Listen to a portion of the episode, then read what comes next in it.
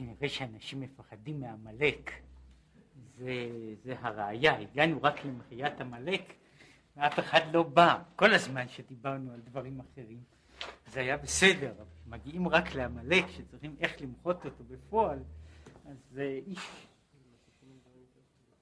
כן. כן, דיברנו על העניין הזה, שמהו העניין של שיהיה השם שלם. עכשיו משהו על העניין הזה, מהו, מהו עניין של הכיסא שלם, הרי כמו שכתוב, כל, כל עוד לא נמחה זרעו של עמלק, לא יהיה השם שלם ולא הכיסא שלם, כמו שנאמר שם במקרא, כי יד על כס י"ק מלחמה לשם בעמלק מדור דור. זאת אומרת, כל זמן שהמלחמה הזו של השם בעמלק לא נגמרת, יש כס ולא כיסא, והשם הוא לא שם הוויה שלם. עכשיו, עניין הכיסא שלם הוא בחינת כיסא מלכותו. הכיסא הוא הביטוי, התיאור של הסמל של המלכות האלוקית. אם כן, הכיסא, הכיסא שלם הוא המלכות האלוקית בשלמותה. שום תשים עליך מלך, וכמו שכתוב, מושיב מלכים לכיסא, וכתיב וישב השם מלך לעולם. אם כן, העניין הזה של הישיבה, שם יושב, היא העניין של המלכות האלוקית. המלוכה במובן הזה, כמו שאמרת, במובן הזה יש אה, אה, סמל של מלכות. אז יש לנו סמל, וזה גם קשור גם מבחינת דרך הסוד, יש קשר פנימי בין כתר למלכות, כן, שזה קשר מהות. הכתר והמלכות הם שני צדדים של אותו דבר, אבל בפרטי הדברים כאן, הכיסא הוא הסימן של היות המלך מלך, ויש אה, פסוק מפורש בעניין הזה, שכשפרעה אומר ליוסף לגבי המלכות, הוא אומר לו רק הכיסא אגדל ממך, ממך. כן, הכיסא, זאת אומרת אני, כל מה שנשאר לי הוא כיסא המלוכה, אם כן הכיסא הוא הסמל של שלטון המלכות. עכשיו מה זאת אומרת וישב השם מלך לעולם? השם מלך יושב על כיסא רם ונישא, כמו שאומרים בתפילה, כן? כידוע, הרי משנים בתפילת הימים הנוראים ובתפילות אחרות, אבל התמצית היא אותו, אותה תמצית, מלך יושב, המלך היושב. כן, בחינת ישיבה כלפי מעלה היא בחינת השפלה והורדה ממדרגה למדרגה. כמו שעל ידי ישיבת האדם בגשמיות על דרך משל, משפיל אחורה, כן, הוא, אנחנו בדרך כרגיל תופסים את העניין הזה של הכיסא, של היושב לכיסא, בתור עניין של רוממות. הוא אומר, יש צד אחר בישיבה. כל ישיבה היא הנמכת קומה. יש עומד, שהוא במלוא הקומה שלו, ויש היושב שהוא משפיל את עצמו. ולכן, וכאן קשור קצת לעניין הזה ובתמציתו, כשהמלך יושב, מצד אחד זהו עניין הרוממות, כלפי, כלפי עמו. מבחינת העם זוהי קבלת הרוממות של המלך. מבחינת המלך זוהי השפלה שהוא רוצה להיות מלך על העם. זה שהקדוש ברוך הוא, כמו שמבואר בהרבה מקומות, שבמקום גדולתו, שם אתה מוצא ענוותנותו, צריך כאילו להבין אותו בתמצית, שלא שענוותנותו צמודה לגדולתו, אלא שגדולתו היא בעצמה היא ענוותנותו. וזה שהוא מסכים להיות גדול ביחס אלינו, זוהי בעצמה ענוותנותו. שהוא מסכים להיות מלך העולם, זה לא עניין גדולה עבורו, אלא זה עניין השפלת מהות, שהוא מוכן להיות מלך העולם.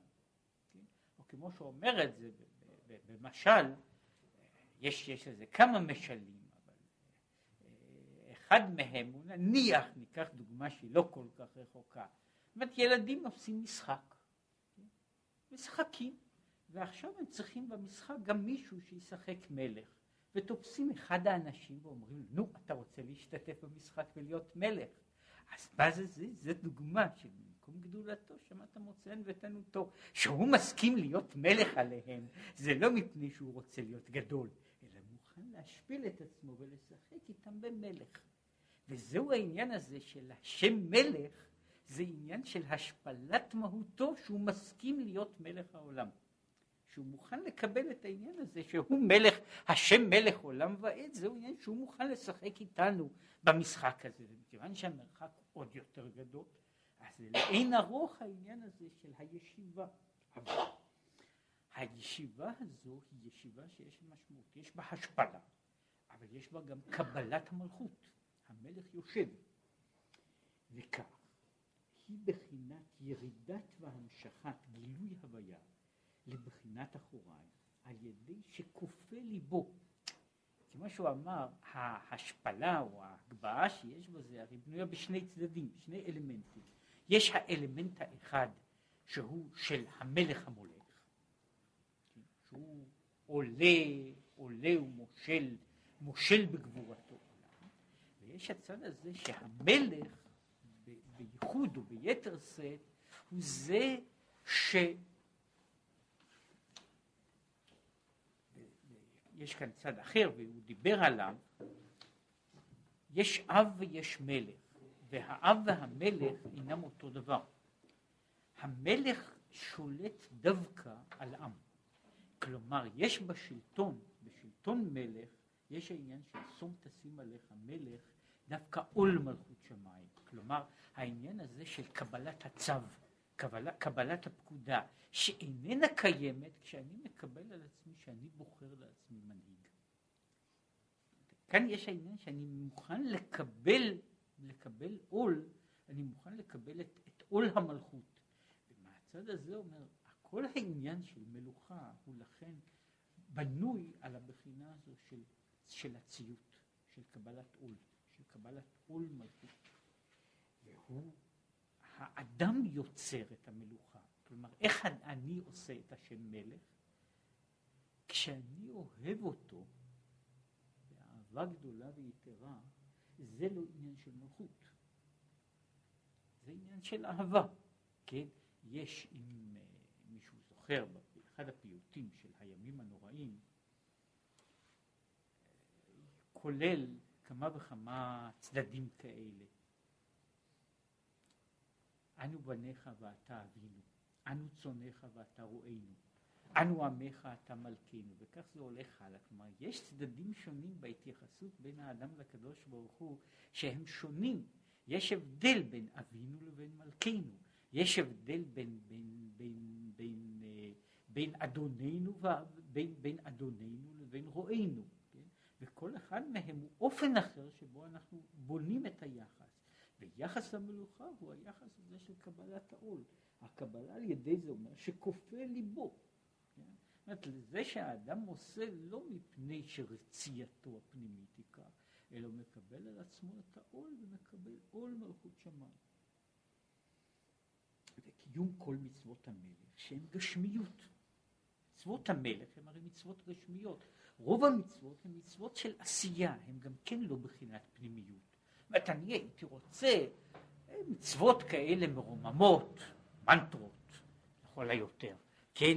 אבל מצוות, מצוות שצריכים לעשות ככה בידיים, לעשות דברים כאלה, כמו, כמו שבודקים, שמבארים, ש, שאוכלים, ששותים, אה, כן, ממצה עד מרור, זה, זה אלה, כל אלה דברים גשמיים. וכמו שכתוב, שיש בעלה, שזה אחד הסמלים של התורה, שיש מגילה עפה כתובה פנים ואחור. המגילה האפה שהיא מפורשת בתור סמל של התורה, היא כתובה מעיקרה פנים ואחור. יש בה צד פנימי, התכנים, ויש בה גם הצד הזה שהוא מבחינת רצייתו של האדם, הכפייה העצמית, מבחינת ההוויה, כל אותם הדברים שהם עשייה, ועשייה בלבד, או עשייה ש, שלא תוכנה הוא עיקר, אלא, אלא פעולתה היא העיקר. ואף על פי כן, הן, המצוות הגשמיות הללו, הן רמ"ח איברים דמלכה, מפני שהמצווה היא יותר מאשר מילוי, מילוי פקודה. במובן, במובן הזה, הכללות של המצוות, ויש לכם, בספר, בספר חרדים, יש בו חלוקת המצוות לפי אברי הגוף. כן? אבל יש חלוקות יותר פנימיות, שאנחנו רואים שכל מצווה שייכת ל... כנגד עבר מסוים. ובמובן הזה כל המצוות הן לא רק איברים שלנו, אלא הם הציור של, כמו שגם הרמב"ם מדבר, על צלם דמות השם. הדמות האלוקית שמתגלה בעולם היא המכלול של כל תרי"ג המצוות. ולכן אומר, כאשר אני נאחז במצווה כאדם האוחז בחברו באחד מאיבריו, ומושכו וממשיכו. זאת אומרת שאני מחזיק את היד של המלך, את האצבע של המלך, אני יכול עכשיו למשוך את המלך אליי, וזהו העניין של קידום המצווה באחיזה בפועל, במעשה, במעשה הגשמי שיש בו את האחיזה של האדם בדבר. כן, זה דיברנו על העניין הזה כל כולו על צד החיוב, דרכו של האדם והנתיב הארוך והמסובך שבו מגיע האדם אל, אל המלך פנימה, שהוא הולך קודם לכתך אחריי במדבר. מבחינה של מראה אחוריי. אני לא רואה דבר פנימי, אני גם לא מרגיש דבר פנימי, אני הולך. אחרי זה מגיעים, אם מי שזוכה מגיע לרגעים, לשעות, לפעמים לעולם, לארץ טובה ורחבה, שבה יש שלמות הלב עם הדברים שאדם עושה. אז זוהי הדרך. אך הנה, זה לעומת זה עשה אלוקים. כל העולם בנוי בזה לעומת זה, שיש פנים ואחור בקליפה גם כן, כמו בקדושה. גם בקליפה יש פנים ואחור. כמו שאמר שיש בקדוש, בקדושה, יש פנים ואחור. המגילה כתובה פנים ואחור. כך גם בצד הקליפה יש פנים ואחור. ויניקתם ואחיזתם, באחוריים בקדושה. הקליפה לא יכולה להיאחז בתוכיות של הקדושה, יכולה להיאחז בצד האחורי של הקדושה. כלומר, במקום שצד הקודש איננו מתגלה במלוא הבהירות שלו, אלא במעומעם, או שהוא מתגלה בצורות אחרות, אז יש מקום לקליפה להיאחז. ויש על זה שוב, כאן, כאן הוא לא נכנס לבאר ולפרט את העניין הזה, את המקור של הקליפה, אבל התמצית היא שהרע נאחז בשוליים של דברים. כן? יש אה, בכמה ספרים שכתוב בהם אה, מה עושים ב... אחרי קידוש לבנה, שיש איזו שייכות גם לעניין הזה בצד מסוים, כתוב שם בספרים שמנערים את שולי הטלית קטן, כן? כן? ושם, ואומרים שם פסוק מיהו על העניין הזה, שמפני שהכוח של הרע נאחז בשוליים של דברים, מה שקורה במקום אחד, הציפורניים של המציאות. כן? כל, כל הדברים שהם כאילו צומחים מתוך, מתוך, זאת אומרת, יש, יש, יש גוף, והגוף הזה גם מגדל לו ציפורניים, הוא מגדל לו כל מיני חלקים שהם בצד מסוים כבר לא שייכים ולא שייכים. והנה, זה בכלל אפשר לדבר על, על קליפות הרבה מאוד. אחת הסיבות שהוא לא מעריך זה מפני שעל קדושה הוא צריך לספר לנו, על קליפות אולי אנחנו יכולים לספר לו, כן? אז אה, לכן, אה, לכן על כל פנים הוא לא מעריך בעניין הזה בכל מה ש... אבל יש על, על הצדדים הפנימיים של העניין, יש הרבה. אבל פה הוא מדבר על דבר מסוים. והנה, ראשית גויים עמלק. אז אנחנו אומרים שהתמצית של הקליפות, נקודת, יש איזו נקודת ראשית גם לקליפה, ונקודת הראשית של הקליפה היא עמלק. ולכן, כמו שהוא מסביר, לגבי כל הקליפות האחרות, יש לנו, עם הקליפות האחרות יש לנו מאבק, שבנוי בדרגות שונות, למין דרגות של אה, מלחמה אופציונלית, מלחמה הכרחית, מחויבת, עד ל, לעניין הזה של, של עמלק, ששם זה לא רק מלחמת מצווה, מלחמת חובה, אלא שיש לנו מצווה של להשמיד את עמלק מכל וכול. כן? זהו העניין הזה של למחות את עמלק, מפני שעמלק הוא ראשית גויים, הוא נקודת הראשית של, ה, של כל הקליפות כולן. שהוא בחינת עורף לקליפה. והוא יסביר, ולכן נקרא עמלק, כן, שהוא כאילו קיצור של עם מלק, שמליקה מן העורף. וכמו שהוא מסביר, המהות של עמלק היא שהוא מולק את האנשים, כן?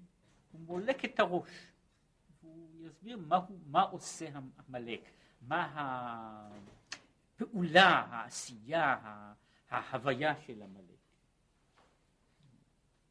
וביאור העניין. כי מעלת ישראל, אחת מהמעלות הגדולות של ישראל כישראל היא כי עם קשה עורף הוא. כן? אנחנו מפרשים שהעניין הזה כי עם קשה עורף הוא לא גנות של ישראל אלא מעלה של ישראל. זאת אומרת אנחנו עם של קשה עורף. וזה חלק מתפארתנו היא בזה שאנחנו עם קשה עורף. ולכן, שלכן ביקש משה וסלחת, כי עם קשה עורף הוא וסלחת לעווננו. זאת שלמרות שיש חלק מהמפרשים שמפרשים שם כי עם קשה עורף הוא במשמעות של אף כי עם קשה עורף הוא, אבל הוא מפרש כמו הרמב"ן כי עם קשה עורף הוא מפני שהם עם קשה עורף. שיש להם התגברות בחינת אחרי הוויה ילכו. שיכולים לחוף את הלב בשבירת התאוות וכבישתן, ולעמוד כל מונע בהתגברות ובחוזק. זאת העניין הזה של קשיות עורף, מתי בן אדם צריך להיות קשה עורף? מתי יש העניין הזה של להיות עקשן, שלא לזוז מדבר? כשהכל חלק ובהיר ויפה, והכל הולך, כל העולם בהיר, שם אינני צריך להיות קשה עורף, שם הכל הוא חלק. מתי מגיע המקום של, שההבדל בין זה שהוא קשה עורף לזה שאינו קשה עורף? כאשר האדם נתקל במציאות מצד אחר שלה. כאשר האדם נתקל במציאות, כאשר היא, היא עומדת מולו, כאשר שום דבר לא הולך ישר. כן, כאשר בן אדם מרגיש שאני לא בסדר, העולם לא בסדר, הקדוש ברוך הוא לא בסדר, ובכל זאת אני הולך. זו בעצם זו הנקודה. יש אה, אחד הסיפורים הכי דרמטיים, הכי טרגיים, שמופיעים בספרות שלנו, סיפור שנמצא בספר משונה שנקרא שבט יהודה, שנכתב ממש אחרי גירוש ספרד. הוא מספר שם על איזה אדם שנסע עם המשפחה, ברח מספרד, השאיר את כל מה שהיה לו, הוא ברח עם המשפחה באונייה, אונייה קטנה, מספרד לצפון אפריקה. בדרך המלאכים הרגו את בנו ואת אשתו, אנסו את ביתו וזרקו אותו על החוף. ככה הוא נשאר לבדו על החוף, הוא אומר, ריבונו של עולם, אני יודע שאתה עושה הכל שאני אעזוב אותך, בכל זאת אני לא אעשה את זה. כן? שזהו העניין של עם קשה עורף עד לנקודת התמצית. בן אדם, כל, כל העולם נחרב, כן? ויש עם קשה עורף. וזה מה שאם מישהו יסתכל בפירוש הרמב"ן על כי עם כשעורף הוא, הוא מדבר על זה. הוא אומר ככה, משה אומר לקדוש ברוך הוא, תסלח להם, קשה לשכנע אותם. הוא אומר, כשהם ילכו איתך, תראה מה יעשו להם והם יחזיקו. וזה אומר, עם כשעורף הוא לא כשהדברים הולכים, אלא כששום דבר לא הולך. כן? עכשיו, ונקרא בחינת שהעורף הוא המחבר ומקשר, המוחין שבראש, להיות להם התפשטות בגוף.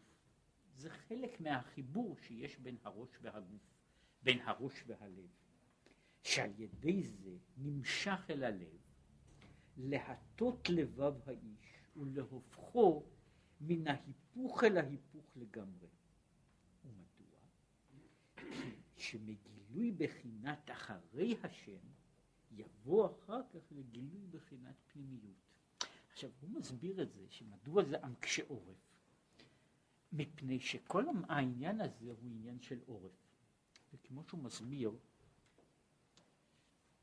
התיאורים שיש לנו על, על עקשנות הם בנויים על כאילו על איברים שהם לא אקספרסיביים בעצמם, שאין להם, שאין להם בעצמם אה, שום, שום דבר מיוחד. מדברים על עזות מצח, מצח נחושה, צד אחד, ומדברים על קשה עורף. עכשיו עורף הוא לא, הוא לא דבר כמו יד או רגל או עין עם רגישות, זה משהו כזה פשוט מאוד, גולמי מאוד, שהוא תמצ... התמצית של ההאחזות בדברים. כן, זה, זה עצם העניין הזה, אני מחזיק כאילו, יש הדבר הזה שמחזיק את הראש והגוף בלי חוכמות. ככה. עכשיו, זהו העניין של ה... מה שהוא קורא לזה, של עם קשה עורף, וזה אומר, זה ממעלות ישראל. זה לעומת זה הוא בחינת עמלק. הוא בחינת עורף הקשה שבקליפה. לעומת העקשנות שבקדושה, יש גם עקשנות שבקליפה. והעקשנות של זו שבקליפה, שהוא קורא לזה, זה יש גם בקליפה הצד הזה של דווקא. והצד הזה של הקליפה הוא מה שעומד מול העורף שבקדושה.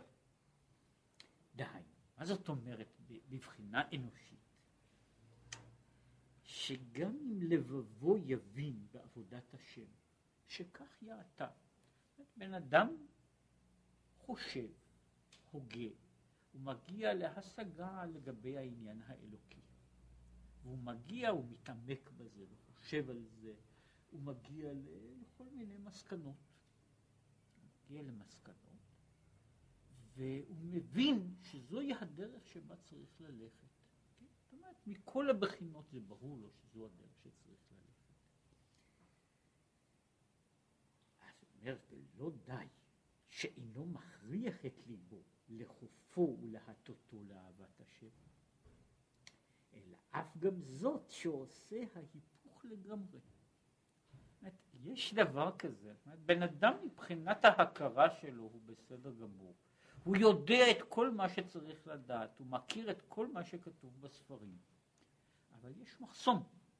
כן, דיברתי על זה שמדברים בכמה מקומות, ויש כמה מאמרים שהוא מדבר פה, יש המחסומים שהוא קורא להם אה, שר האופים ושר המשקים ושר הטבחים, כן, יש כאלה במובן הזה, בין, הר, בין הראש וה, וה, והגוף יש כמה צינורות, ובכל אחד יש משהו, איזה נקודה של מחנק. יש איזו נקודה שמה שהוא קורא לו מיצר הגרון, שהוא הבעיה, דיברנו על זה, הבעיה של איך, מדוע דברים שאדם יודע שהם כך, אינם פועלים על. מפני שיש יש המעבר הזה, המחסום, המחסום, המחסום הדם והמוח שקיים, הוא מחסום כבד מאוד שאיננו נותן להכרתנו לפעול באופן, באופן מיידי, ישיר, על, ה, על האמוציות שלנו, וממילא גם לא על הפעולות שלנו. זאת אומרת, יש, אני יודע שזה כך? אבל זה לא אומר שום דבר, כן? יש, סיפרתי את זה פעם, אבל לרוע המזל זה גם ביידיש, אבל, אה, והתרגום רק יקלקל את העניין, אבל התמצית היא אה, אה, ש, שגוף הוא ראשי תיבות, ראשי תיבות, זה אמר הרבי שהיה איש חכם, הרבי מאלכסנדר הראשון, היה איש חכם מאוד, וכך היה אומר בגדר של, של דברי בדיחה הרבה דברים. זה אמר שגוף הוא ראשי תיבות של ביידיש, הגוף רוצה לזלול. גוף וילפרסן. הגוף רוצה לסבוא. הגוף רוצה לישון. ביידיש יש לזה גם כן מילה, מילה, זאת אומרת, כמו לזלול, בניגוד ללאכול, יש לזה מילה. הגוף רוצה את כל זה. אז מסורים לגוף, וזה שוב, כל אלה הם ראשי תיבות של המילה גוף. הגוף ימות, הגוף יבלה, הגוף, הגוף, אה, הגוף ירכב. אותם ראשי תיבות של גוף. ומה הגוף אומר? שזה שוב ראשי תיבות של גוף, גוף וילפורט. הגוף רוצה בכל זאת. כן? זאת אומרת, יש פה העניין הזה, זאת אומרת, אני יודע את כל אלה, ואני יודע את כל הדברים הללו, וזה לא עושה שום דבר, זאת אומרת, אני ממשיך הלאה. כן, אני יודע את כל מה, ש, כל מה שצריך לדעת, אני יודע את מה ש... זאת אומרת, זה לא, יש, קורה שיש אדם שכל מה שחסר לו זה, זה לעיין בספרים הקדושים. אבל זה יכול לקרות שהאדם עיין בספרים הקדושים, והוא בקיא בספרים הקדושים, והספרים הקדושים מסתובבים אפילו בראש שלו, אבל כשזה צריך לרדת יותר נמוך, כן, שם באים המעצורים. עכשיו הוא אומר, יש מעצורים שונים, יש מעצורי תאווה, יש עצם מעצורי המעבר. יש, יש מעברים, המעבר הזה מן ההכרה, שהיא במהותה אינטלקטואלית, להרגשה אמוציונלית הוא מעבר קשה, בכל, בכל הדברים הוא לא פשוט. עכשיו יש כך וכך מעצורים, אבל נוסף להם יש עמלק, שעמלק הוא פשוט אומר דווקא לא. אני יודע שזה כך צריך להיות, אבל בכל זאת לא. עכשיו הוא אומר, וזהו, עמלק איננו צריך לתת שום נימוק. הוא איננו בא בוויכוח. אני, אני אומר לו, נכון שכך וכך צריך להיות. אז הוא אומר לי, עקרונית, תיאורטית, אינטלקטואלית, אתה צודק, בפועל נעשה להפך. כן? ופה, ונגד זה, נגד זה קשה מאוד, זאת אומרת, אין מאבק, אה, אין מאבק, שוב, שכלי נגד העניין הזה. אז הוא אומר, וזהו, ויזנב בך כל הנכשלים אחריך. אחריך דייקה, מבחינת אחוריים הקדושה. מי שנמצא בפנים, בתוך הקודש, עמלק לא יכול לפעול עליו. שזו, זה כבר, הוא הגיע, הוא עבר את המעבר הזה. אבל מי שהולך רק בגדר של אחרי השם, שכל מה שמחזיק אותו זאת ההכרה והיכולת של ההכרה לפעול על ההוויה הפנימית. ואז בא עמלק. ועמלק פועל ככל שבן אדם יותר מהנכשלים אחריך, כן? אז שם עמלק יש לו יותר כוח. כן? עמלק אומר לא. מה שהוא אומר ככה, והנה, זו היא רק בחינת חוצפה, בלי טעם ובלי דעת, שעושה ההיפוך מן הדעת. העניין הזה, שהוא, שהוא מגדיר אותו, של עמלק, עמלק, עמלק חי מכוחה של חוצפה. הוא איננו צריך לנמק את עצמו. הוא אומר לא, ודווקא אני לא מסכים. כן? ושם אני לא, אני לא יכול לעשות שום דבר, מפני שהוא מעיקרו של דבר איננו פועל מכוח של, מכוח של דעת. הוא פועל במובהק נגד הדעת. אומרת, יש, יש מצבים שבהם האדם נמצא במצב אחר, כן? שיש לו בעיות עם דעתו, יש לו בעיות עם, עם הכרתו. זאת אומרת, עמלק לא בא לערער על הכרה, עמלק לא בא לדון איתי בתיאולוגיה, עמלק לא בא לדון איתי בפילוסופיה, עמלק אומר לא. כן? והוא אומר לא, ולאמירה הזו יש מה שקוראים לזה התוקף של חוצפה.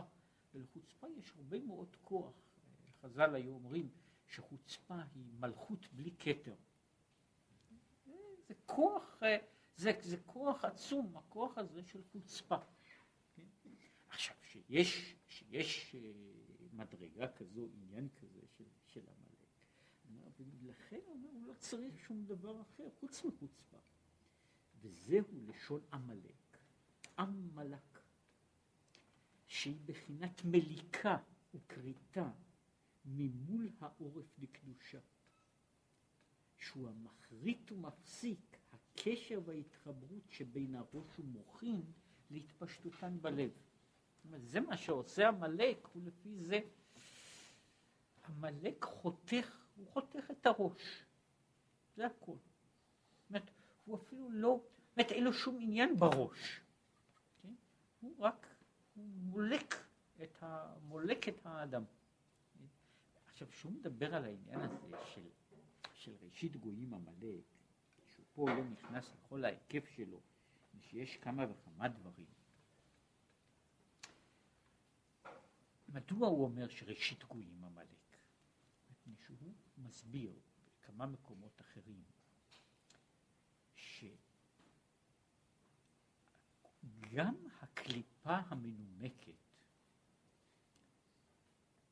איננה יונקת אלא מנימוקים של תוהו. יש, יש מעבר, ל, מעבר, ל, מעבר להרבה מאוד דברים, לפעמים דברים של ויכוח, לפעמים דברים של הסכמה ואי הסכמה, מעבר לכל אלה, יש נקודה של רצייה פנימית.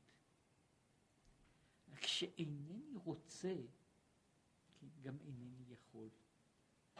כשנקודת הרצייה הפנימית נעדרת, אומרת, אז אינני מסוגל לעשות דברים, ואין לי, לי חשק לעשות אותם, ואני מוצא ממילא את כל הרציונליזציה למה לעשות באופן אחר. אם כן, יש, יש מערך שלם של מה שהוא קורא לזה כל הסוגים של, של קורא לזה כל, כל שבעים עממים. כן? אבל יש בכל אחד מהם יש תמצית, איזשהו מקום שהיא התמצית של עמלק, שאומר בעצם, אחרי כל אלה, אחרי כל הסיבות הטובות שיש לי לעשות איזשהו דבר מגונה, אחרי כל אלה אני גם נהנה שאני עושה דווקא. כן? מה שקוראים, אחד הדברים שהם לכאורה אה, דבר משונה אה, בווידוי של יום הכיפורים, יש שם וידוי, וידוי ארוך אה, של פעם א' ב' כפול, כן, אז יש שם אחד הווידויים זה על חטא שחטאנו לפניך ביצר הרע. אפשר לחשוב שאת כל העבירות האחרות עושים רק ביצר הטוב, את זה עושה, מה זאת אומרת על חטא שחטאנו? יש עבירות מוגדרות שעושים אותן ביצר הרע. יש עבירה שהיא מתומצתת, יש יצר רע נקי, כן? יצר רע נקי, כמעט כמעט בנוסח של בודלר, כן? הקסם של הרע בתור רע, כן? שזהו חלק מהעניין של עמלק, ה- הלא. לא. אומרת, יש משהו כזה ש, שיש, ה... אני לא חשוב מה יהיה, זה לא חשוב איך הצד האחר, אני לא רוצה.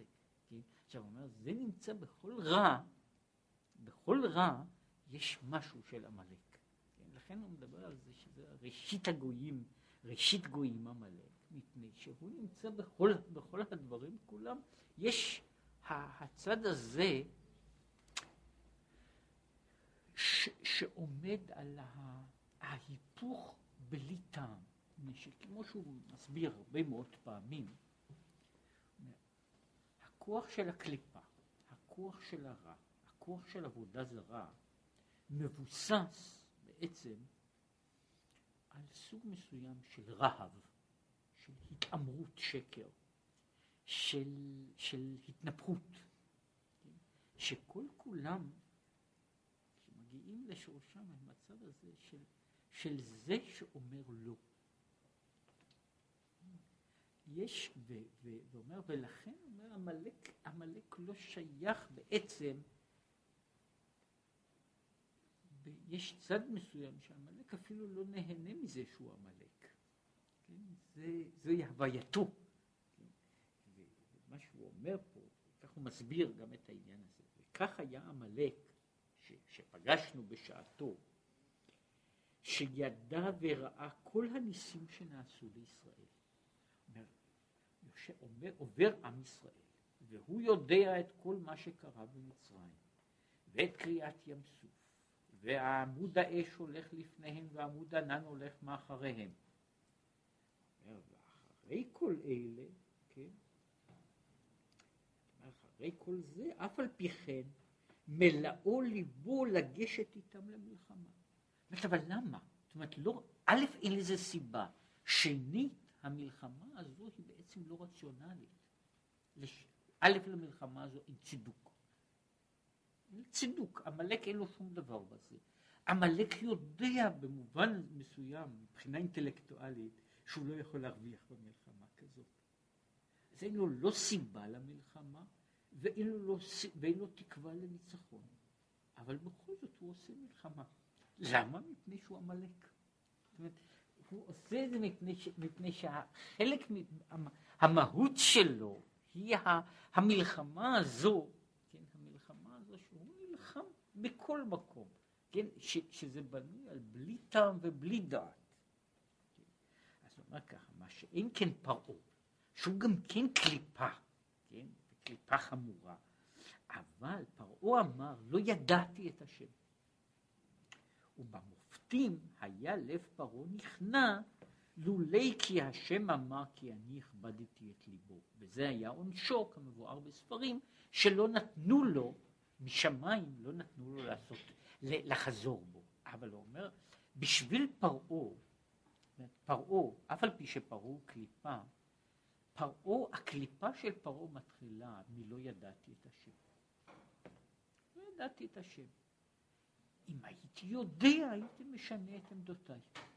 כן? אז זאת שאלה של, של uh, פגם בהכרה. הפגם הזה בהכרה, יש אנשים שמלמדים אותם בצורה מנומסת, יש אנשים שמלמדים אותם על ידי עשר מכות. כן? וקורה אחרי מכה, שתיים, שלוש, ארבע, קורה שבן אדם לומד משהו. כן? אומר, אבל לעמלק זה לא מועיל. זאת אומרת, עמלק כבר עבר את הניסיון. זאת אומרת, הוא יודע את כל הסיפור של פרעה. כן? הוא יודע את הסיפור של קריעת ים סוף. וזה לא אכפת לו. זה לא אכפת לו, מפני שכמו שאמרתי, הוא לא בנוי ולא חי מכוחם של נימוקים.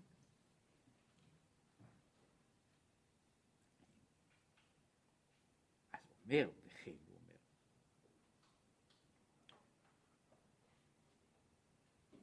כל הגויים. הקליפות מסתירים ומכסים מהם קדושת השם, מפני שמשוקעים בקליפות ההם. יש, יש בכל פעם, יש, יש, אומר, יש עם, והוא יש לו קליפה, ולכל אומה ולשון יש קליפה משלה. יש קליפה משלה. יש, יש קליפה, יש קליפה אנגלית, קליפה אמריקאית, קליפה צרפתית. כשהייתי באנגליה שוחחתי שם עם כמה, עם כמה אנשים והם טענו שהקליפה האנגלית היא דבר נורא.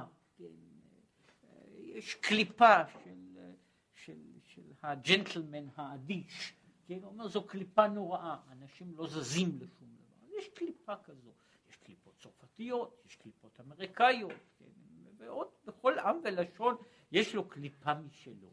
אבל אומר הקליפה באה מפני שמישהו משוקע בתוכה, מפני שהיא מסתירה את האור שישנו. ברגע שיש גילוי אור, הקליפה הזו שוקעת. מפני שהיא, במובן, בעיקרה, היא מבוססת על חוסר ידיעה. כן? וברגע שמישהו פתאום מגלה, אני ידעתי, ידעתי כי גדול השם, אומרת, באותה שעה הקליפה הזו איננה קיימת. זאת אומרת, במובן מסוים יש בה אה, הגדרה של קליפות, וזו הגדרה, אם היה צריך לתת לזה אה, טרמינולוגיה, נקרא לזה חצי פסיכולוגית. כן? הקליפה היא, היא סוג מסוים של פרוורסיה, שהיא סטייה של אובייקט התשוקה. יש תשוקה, אבל יש, התשוקה הזו יש לה איזה סטייה, ומשום כך היא פונה לאובייקט, לאובייקט לא נכון. עכשיו, באופן תיאורטי, כשאני מגיע לשורשה של הסטייה הזאת, התשוקה היא בעצמה לא, לא מהותית, היא לא מהותית דווקא לדבר אחר. היא עברה איזושהי סטייה, וכשהוא מדבר על קליפה בכלל, הוא אומר, כל המאוויים והתשוקות והפיתויים וה, והחולשות, הם כל כולם סטיות מסוימות. בגדר, על גדר האמת, אנחנו לא מגדירים אלמנטים בנפש ובמציאות כרע מהותי, אלא כבחירה לא נכונה של אובייקט. אומרת, כל הדברים שיש בעולם, כל המידות שיש בעולם, הן מידות טובות או מידות רעות לפי השימוש שאדם משתמש בהן. אומרת, אין במובן הזה, כל, כל המידות וה, והתכונות הן בגדר של כלים, מכשירים. המכשירים בעצמם הם לא מכשירים, אין מכשיר שהוא כשלעצמו מכשיר רע. השאלה היא מה אני עושה עם המכשיר הזה. כן? יש, יש מכשירים שהם, אה, ש, שהם מכשירים מסוכנים, כן? ושהם דורשים שימוש מוגבל ומוגדר ומסויג מאוד, אבל הם לא בהכרח מכשירים רעים. אין אה, סכין,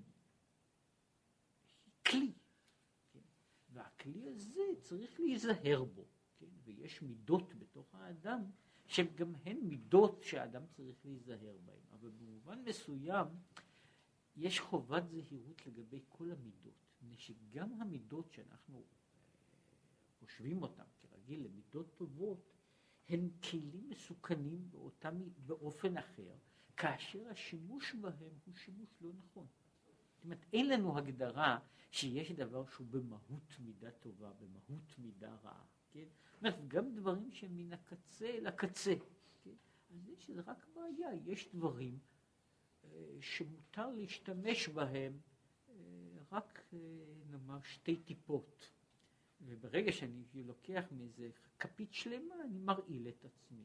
אבל יש בהרבה מאוד חומרים שבעולם, כן, כולל ברעלים קטלניים, יש בהם שימושים, לפעמים שימושים רפואיים, לפעמים שימושים אחרים. כן, אה, אה, ב, ב, בכל מעבדת צילום היו, עכשיו הרבה פחות, אבל יש, יש מספיק חומרים להרעיל, להרעיל משפחה שלמה ככה בקלות. אלא מה?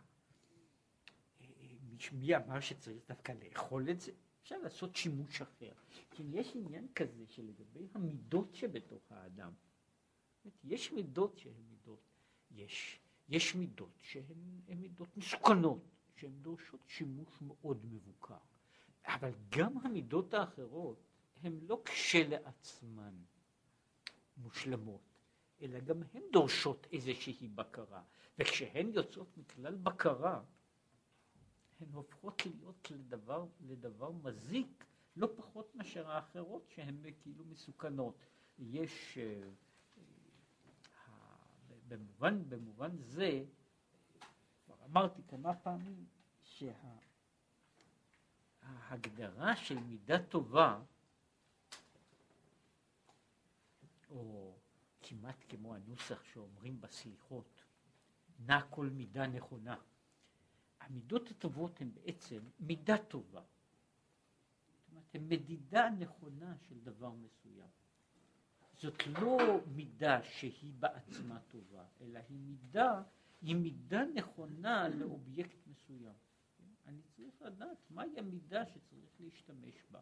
וזה נכון לגבי דבר משנאה עד אהבה, מאמונה עד כפירה, שכל אחת מהן היא רק שאלה של מהי המידה הנכונה.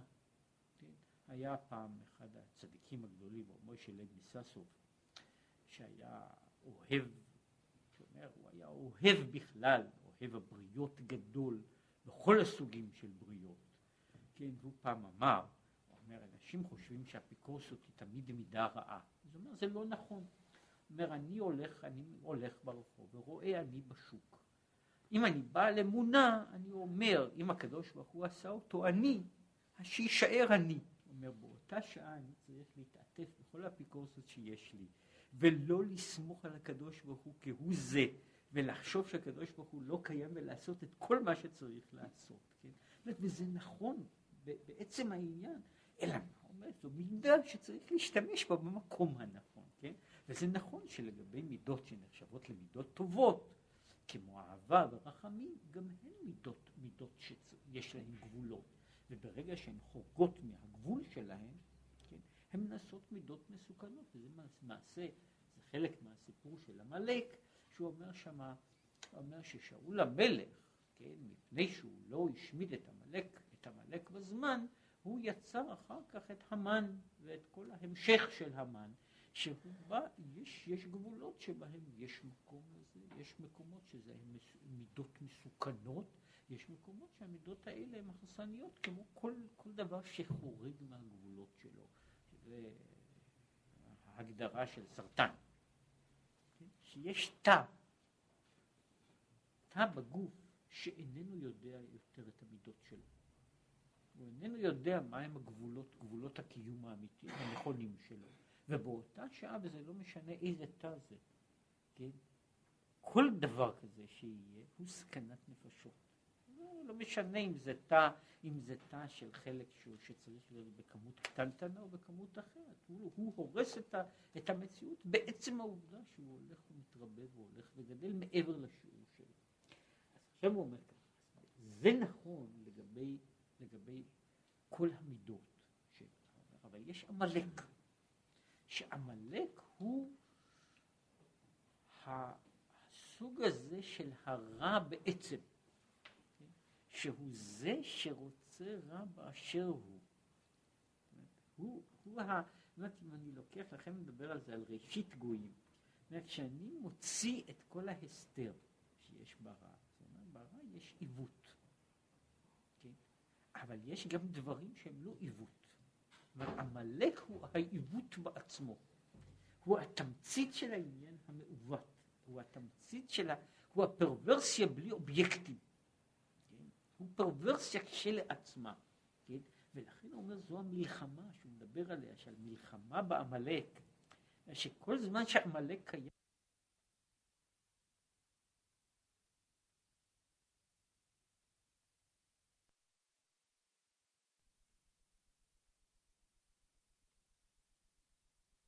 ישראל להיות להם בחינה זו. אומר, זרעו של עמלק, עמלק לא לבדו קיים. עמלק זורע את זרעו של עמלק. עמלק זורע עוד עמלקים, עמלקים קטנים, רק זרע של עמלק. כן? אבל הוא משליך טיפה של עמלק בכל מי שהוא פוגע בו. והוא זרע אותה, וצריך להיות מלחמה בעמלק ולכן הוא אומר, לו עמלק היה אפיזודה, אומר, יש אחרי עמלק, יש זרעו של עמלק. ואחרי זרעו של עמלק, אחרי זרעו של עמלק, כל זמן שהוא אומר ככה, כל זמן שלא יכלה זרעו של עמלק, לפחות את זכר עמלק, כן? כל זמן שלא יכלה זכר עמלק, עדיין עמלק קיים. וכשהוא קיים הוא גדל. כן, אז לכן אומר, עמלק עובר מדור לדור. כי, כמו שהוא אומר, שבכל דור יש בחינת יציאת מצרים. וצריך ללכת תחילה בבחינת אחרי השם.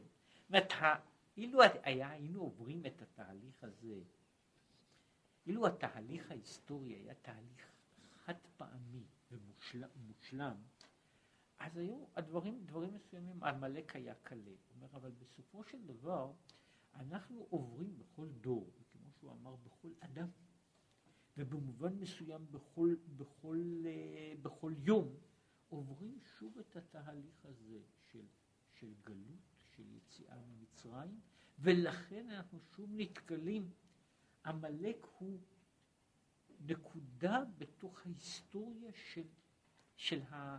של המהות האנושית. הוא לא רק דבר בתוך, בנקודת זמן, אלא כמו שאנחנו אומרים, שיש המשולש של עולם שנה נפש, זמן, מקום ונפש, שכל הוויה יש לה תרגום ל, ל, ל, ל, להוויה אחרת.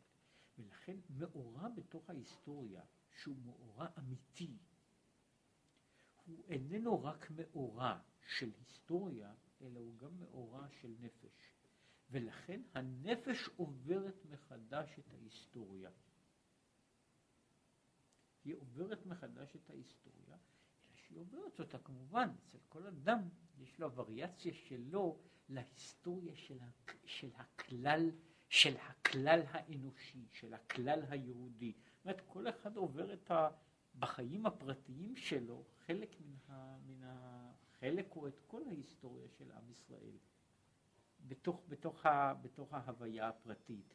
אה, אה, יש, יש דוגמאות כאין אלה בכל מיני דברים שאנחנו שיצורים עוברים כאילו את כל האבולוציה שלהם בתוך המהלך החיים הפרטי של יצור אחד.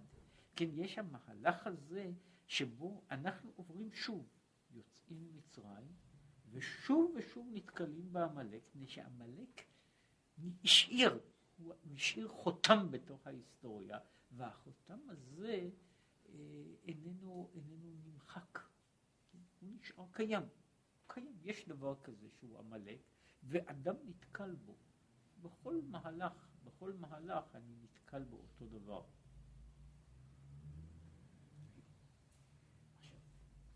זה בכללו של דבר, כן? ולכן הוא אומר שהמלחמה, שמלחמה לשם בעמלק מדור דור היא שבא דור חדש הוא שוב עובר יציאת מצרים משלו בהיקף מסוים וכשהוא עובר יציאת מצרים הוא נתקל שוב בעמלק והוא נתקל בעמלק והוא שוב צריך לעשות את המלחמה כן?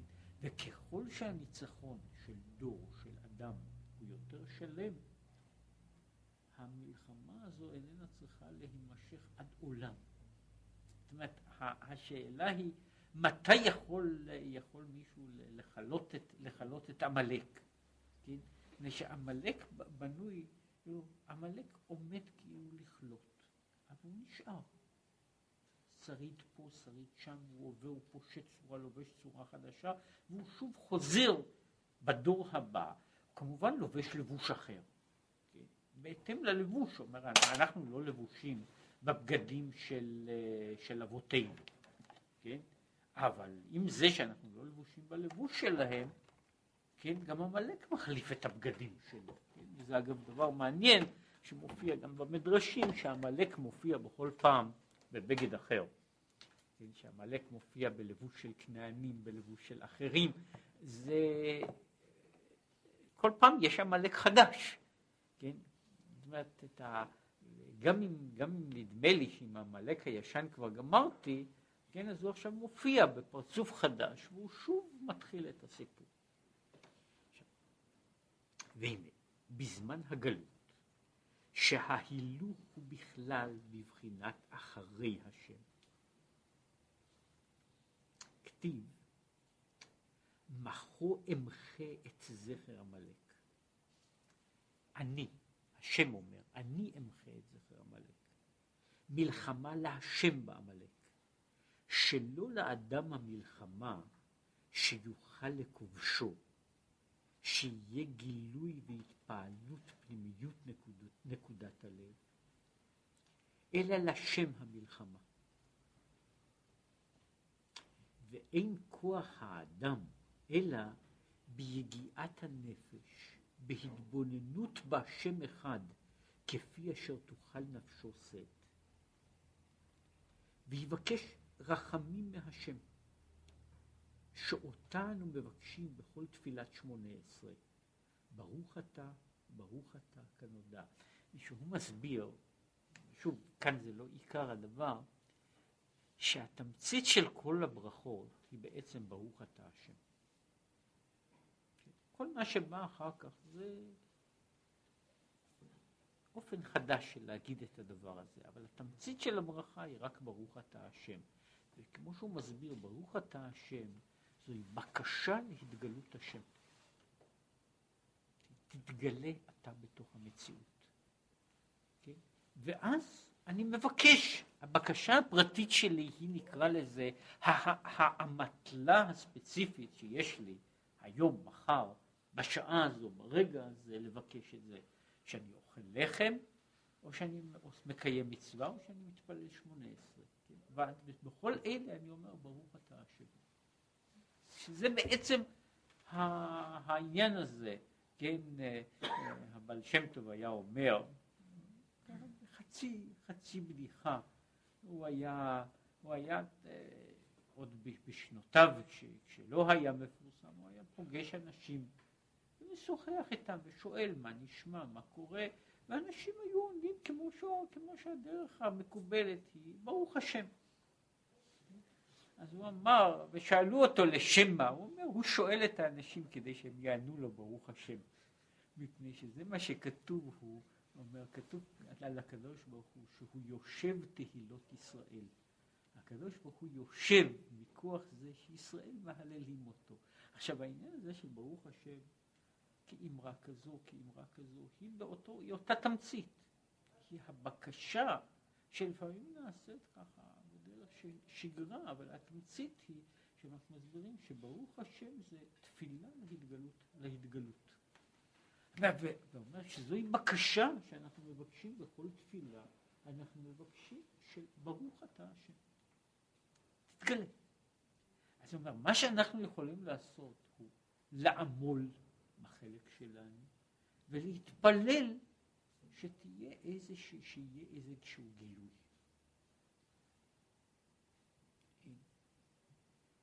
וזה, זהו החלק שאנחנו יכולים לעשות. הוא אומר, ומה אני עושה עם עמלק? הוא אומר שהשם יילחם בעמלק. והיה בהניח השם אלוקיך לך, בארץ אשר נתן לך נחלה לרשתה. דהיינו, כשיגיע לבחינת ארץ טובה ורחבה, וחלב ודבש, כמו שהוא הסביר, שהיא בחינת אהבה בתענוגים. אם אדם זוכה לעבור את המדבר, זאת אומרת, כל זמן שאני במדבר, המלחמה בעמלק היא מלחמה קשה מאוד. ולכן הוא מעמיד אותה, שהיא מתוארת בתורה. יש מלחמות יותר גדולות שעושה עם ישראל. גם כשמשה רבינו עומד בראש. כשעם ישראל צריך להילחם בסיחון ובאוג, אז יהיה אוג גדול כמה שגדול, וסיחון, יש במדיין, כן? אז הוא שולח לכבוש את מדיין, הוא שולח מה שקוראים לזה יחידה ש, ש, שתעשה, שתבצע פעולת עונשים חמורה מאוד, הוא שולח יחידה קטנה של צבא. כשהוא עומד מול עמלק, שם משה לא יכול לעשות שום דבר, כאילו, הוא צריך לעמוד על ראש ההר ולהתפלל כל הזמן, וצריך להחזיק את ידיו, והיו ידיו אמונה, שזה אגב החלק האחר של עמלק. זאת אומרת, האמת, העמידה ממול, מפני שעמלק עומד מול משה. משה לא יכול להגיד עכשיו שכולם הם בבחינת אחרי השם תלכו, בבחינה של לכתך אחריי במדבר, אמר אז נגד עמלק אני יכול רק לפנות בתפילה, בתשועה, בבקשה, שיקרה איזשהו דבר ושיהיה גם, uh, תהיה ישועה של לצאת, לצאת עם העמלק. אבל כשהוא מגיע לארץ טובה ורחבה, שעבר אדם, אם אדם עבר את, את הזמן הזה של ללכת אחרי עם ההסתר הפנים המתמיד הקבוע, הוא מגיע לארץ טובה ורחבה של אהבה בתענוגים, אזי תמחה לעצמך את זכר עמלק. שתגיע, אנחנו, כשאנחנו במדבר אנחנו בהתגוננות מעמלק. כשאנחנו מגיעים לארץ טובה ורחבה, אז אנחנו יכולים לעשות מלחמה יזומה, כן, להילחם בעמלק. אז תמחה את זכר עמלק ולא תשכח. שהוא ככה, שלא יהא, הוא, הוא אומר שלא תשכח, הוא מצווה שלמה לחוד, לא תשכח. כן, לא שלא תשכח את עמלק, אלא שלא תשכח בכלל. תמחה את זכר עמלק, לא תשכח, מפני שאומר ששניהם קשורים אחד בשני. שלא יהא בבחינת שכחה שהיא בחינת אחוריים, ואין יניקתם ואחיזתם אלא בבחינת אחוריים. אומר, כל זמן שאתה זוכר, עמלק לא יכול להידבק בך. אומר, אל תשכח. הוא מדבר עכשיו על העניין הזה. אומר, כשאתה בתודעה שלמה, שאתה בזיכרון, עמלק לא יכול לשלוט בך. ולכן האזהרה היא, בצד אחד תמחה את זכר עמלק, והצד השני שעמלק לא יכול להופיע זה לא תשכח. אסור לך לשכוח. אומרת, כאן יש, זה לא, הוא מדבר על לא תשכח, לא כמצווה ספציפית, עניין ספציפי של לא לשכוח את עמלק, אלא לא לשכוח בכלל. מפני שכל העניין, יש על זה הרבה, על העניין של שכחה, וכמו שכתוב, כמו שאומרים אנשים, אה, אמרו אותו דבר בדורות אחרונים, בעיקרו של דבר, מה שנוגע לי בנפש, אני לא שוכח. ואם אני שוכח, שמע מנה שזה לא נוגע לי בנפש. כן, אה, אחד התיאורים של, של איש חדש, שהוא לא חידש את העניין הזה, באחד הספרים של פרויד הוא מספר על, על איש אחד ש... ששכח להגיע לחתונה שלו. כן? פשוט שכח, הוא היה במעבדה והוא, אה, והוא שכח? אז הוא אומר שהוא לפחות הסיק מכאן את המסקנה הנכונה, שהוא לא רק שהוא לא התחתן, אלא לעולם לא התחתן יותר, ושהוא הגיע למסקנה שזה לא מעניין אותו מספיק, כן? ו, וכמו שהוא אומר, הוא אומר, ש, ש, שיש שכחה, שיש, השכחה היא הביטוי של האחוריים של דבר שלא אכפת לי. לא עד כדי כך, זה לא שלא נוגע לי, אנשים שוכחים דברים שהם חשובים בשבילם. מתי? בזמן שהדבר הזה הוא חשוב בשבילי בבחינת אחוריים. מה זאת אומרת? שהוא חשוב בשבילי מכוח האילוץ או מכוח, מן הכוח הרציונלי. אני צריך להיות בשעה זו במקום מסוים. אני צריך באמת. אם היה מתחשק לי להיות שם, לא הייתי שוכח. אבל אני רק צריך, כן? אז זה כבר דבר אחר. זה יכול להיות שאני אשכח. כן, השכחה הזו, כמו שהוא מגדיר אותה, אומר, השכחה היא בעצמה האחוריים. הוא מדבר על זה הרבה מאוד פעמים, על העניין של מדוע אדם שוכח דברים מסוימים. מדוע הוא שוכח את מה שהוא לומד, ולא שוכח דברים אחרים. ושזה תלוי כמה יש קשר שבנפש לאותו דבר. וככל שהקשר בנפש הוא עמוק יותר, הזיכרון הוא חרוט עמוק יותר בתוך האדם.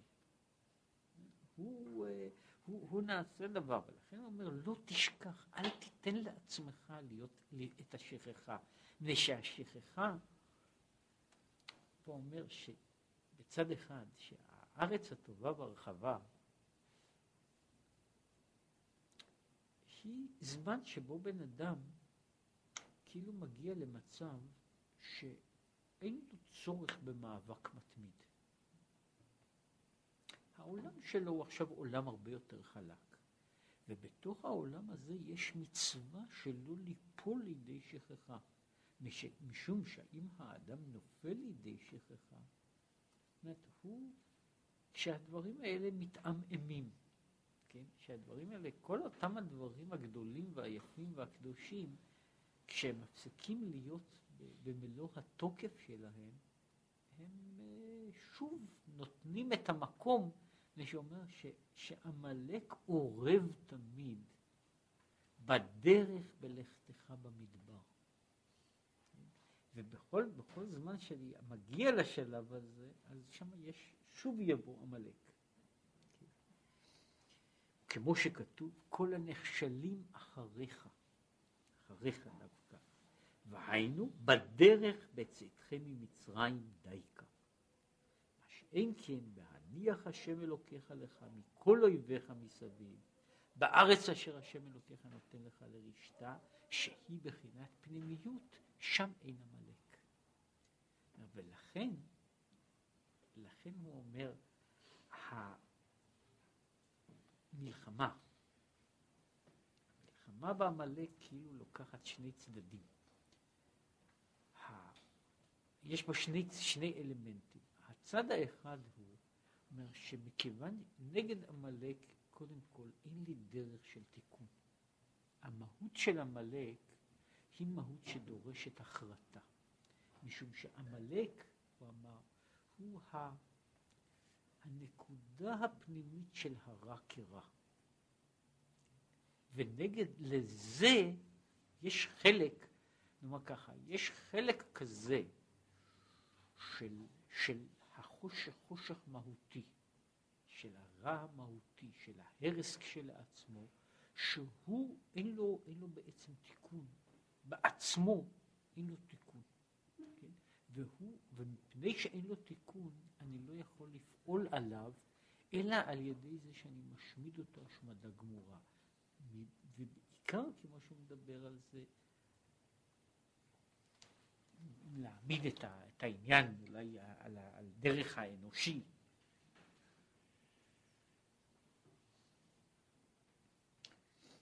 יש דברים מסוימים שבדרגה זו או אחרת אדם יכול לעשות להם תיקון. יש כל מיני אנשים נולדים עם תכונות מכל הסוגים ולא בשלמות ואנשים יכולים לאבד את התכונות. אנשים יכולים גם להשתמש במה שיש להם ולהשתמש באותו דבר לצד של טוב. זה לא כל אדם בנוי באותה מידה, ולא כל אדם יכול להשתמש באותם, יש לו אותם הכישורים, אבל במה, ש, במה שיש לו כישורים ובמה שיש לו תכונות נפש, אדם יכול את התכונות הללו לעשות אותם לדבר, לדבר, שב, לדבר שבטוב. כלומר, יש במהות, תהיה, יהיה תמיד הבדל בין נקרא לזה, בין אדם אמוציונלי לאדם אינטלקטואלי. זה הבדל, וזה לא משנה אם הם יהיו בקדושה או בקליפה. יש הבדל בין אדם קשה לאדם רך, בין מה שקוראים לזה בין אדם שהוא מצד הדין או מצד החסד. כמו שאמרו חכמים,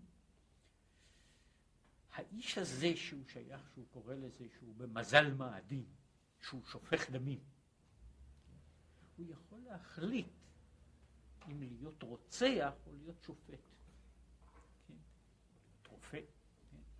זאת אומרת, הוא יכול, יש אותו, אותו, יש סוג כזה בתוך האדם, אבל האדם יכול לעשות לו עיבוד, הוא יכול לעשות בו שינוי. זאת אומרת, לא כל אחד מסוגל להיות שופט, לא כל אחד מסוגל להיות אה, רופא, לא כל אחד מסוגל להיות, כמו שאומר שם בגמרא, מוהל. לא כל אחד יש לו את התכונה שנותנת לו את האפשרות לעשות את זה. יש אנשים שיש להם כושר כזה, והם עושים או משתמשים בו בצד הזה. כך יש, שכל מה שיש באדם, הוא משתמש בו בצד הזה. ויש בכל המידות של, של אנשים. יש אנשים פיוטיים ואנשים פרוזאיים. יש אנשים שהם, ש, שיש להם אה,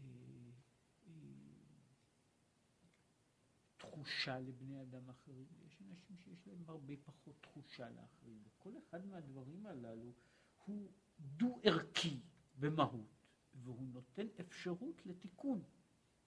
כל אחד מהדברים. חוץ מאשר עמלק. זאת אומרת, לעמלק אינני יכול לתקן.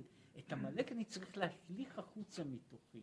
אינני יכול לעשות בעניין הזה איזשהו דבר. זאת זה מה שהוא מדבר על זה, על להחריט את זכר עמלק. עם עמלק אני לא יכול לעשות משא ומתן. זאת אומרת, עם כל, כל גויים שבעולם יש איזה סוג של, של משא ומתן.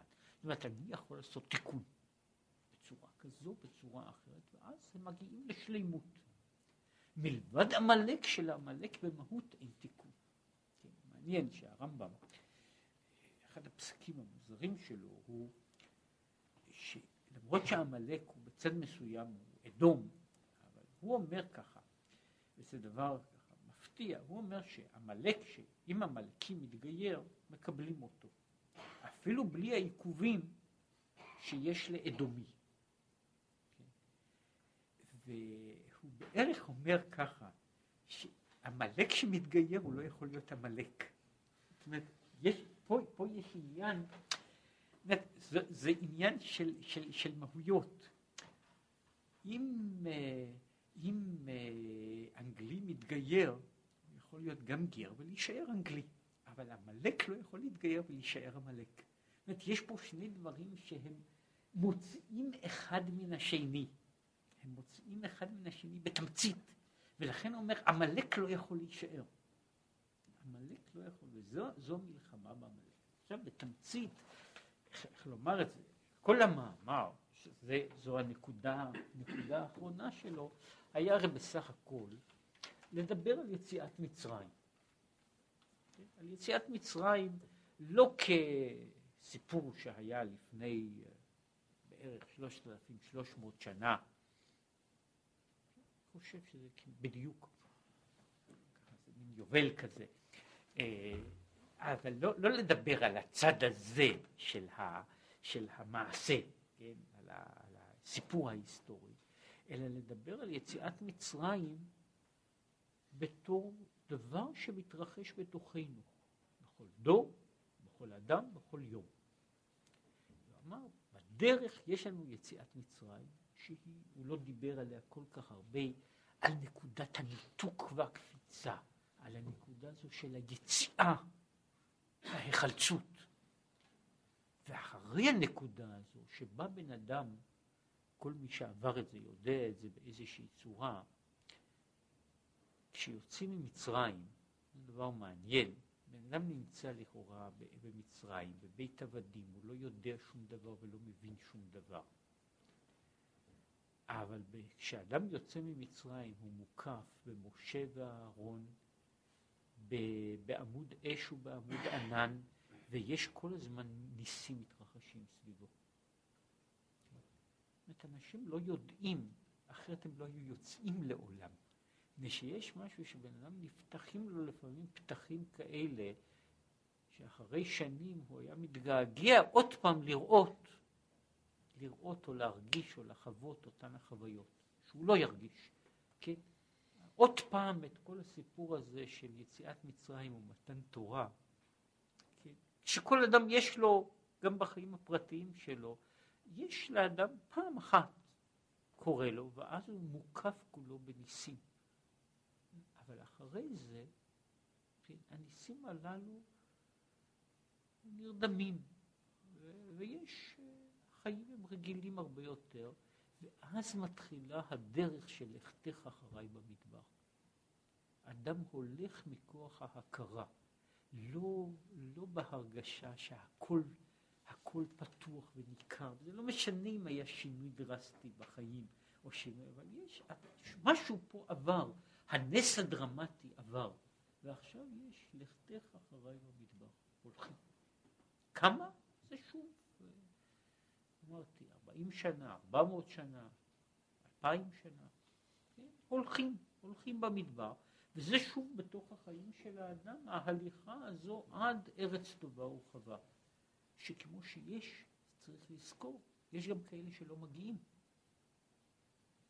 שלא מגיעים, כן? הם הולכים, הולכים אחרי השם, אבל לא נכנסים.